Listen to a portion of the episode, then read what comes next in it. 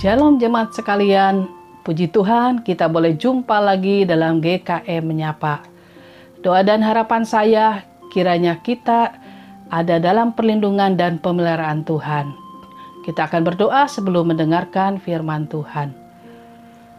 Tuhan terima kasih kembali kami akan belajar firman-Mu Allah Roh Kudus menolong kami singkapkanlah kebenaran firman-Mu bagi kami supaya kami boleh mengerti Terima kasih Tuhan, berbicaralah bagi setiap kami.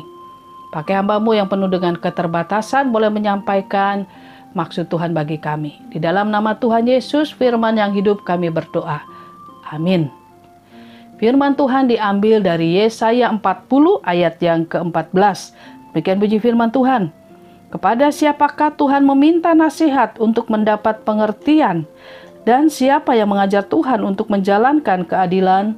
atau siapa mengajar dia pengetahuan dan memberi dia petunjuk supaya bertindak dengan pengertian?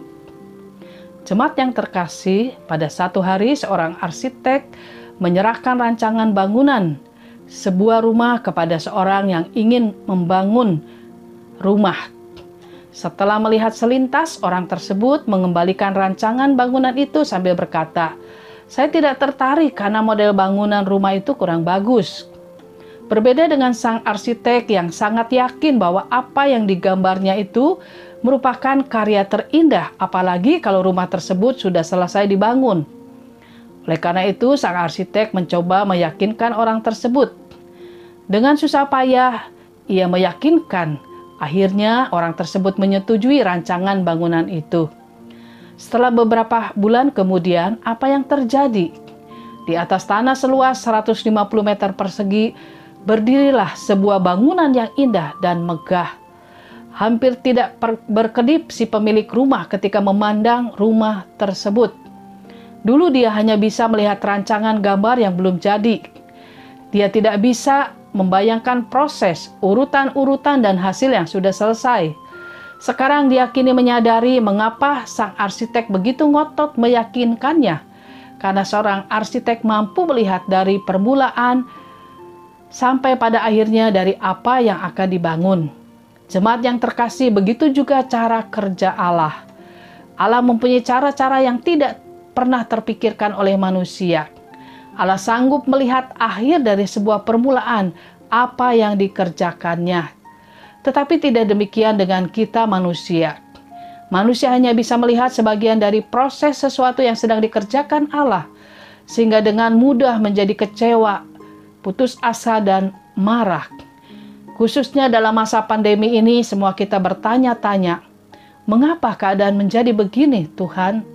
Manusia tidak seperti Allah yang bisa melihat segala sesuatu secara keseluruhan, melihat segala sesuatu dari atas.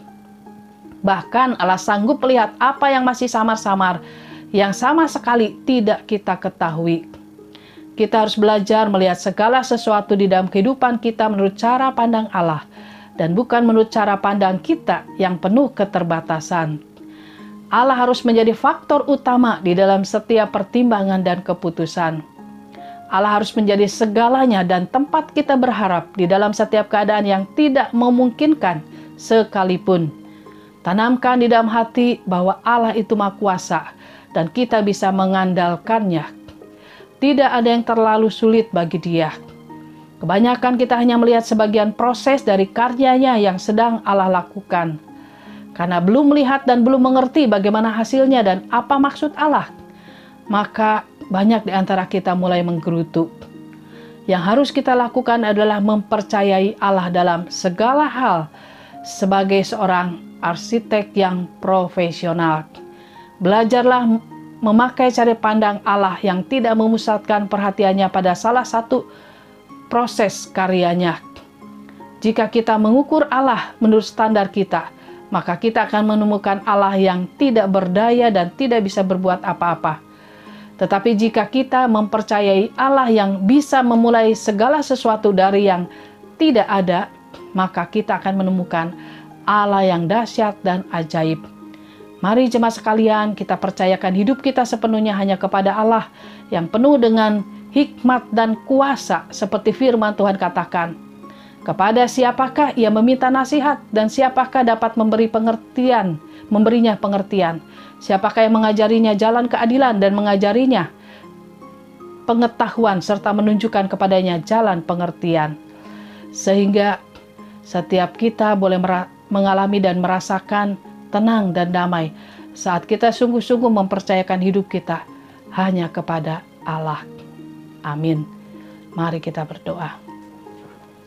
Terima kasih Tuhan, kami sudah belajar firman-Mu. Ajar kami boleh sungguh-sungguh mempercayakan seluruh hidup kami kepada Tuhan. Dan ajar kami boleh mempercayai senantiasa bahwa Engkau adalah Allah yang baik, yang merancangkan hal-hal yang baik bagi setiap kami. Kuatkan dan teguhkan iman kami ya Tuhan untuk sungguh-sungguh belajar menyerahkan hidup kami dan menggantungkan hidup kami hanya kepadamu saja. Terima kasih Tuhan. Hanya di dalam nama Tuhan Yesus kami berdoa dan bersyukur. Amin.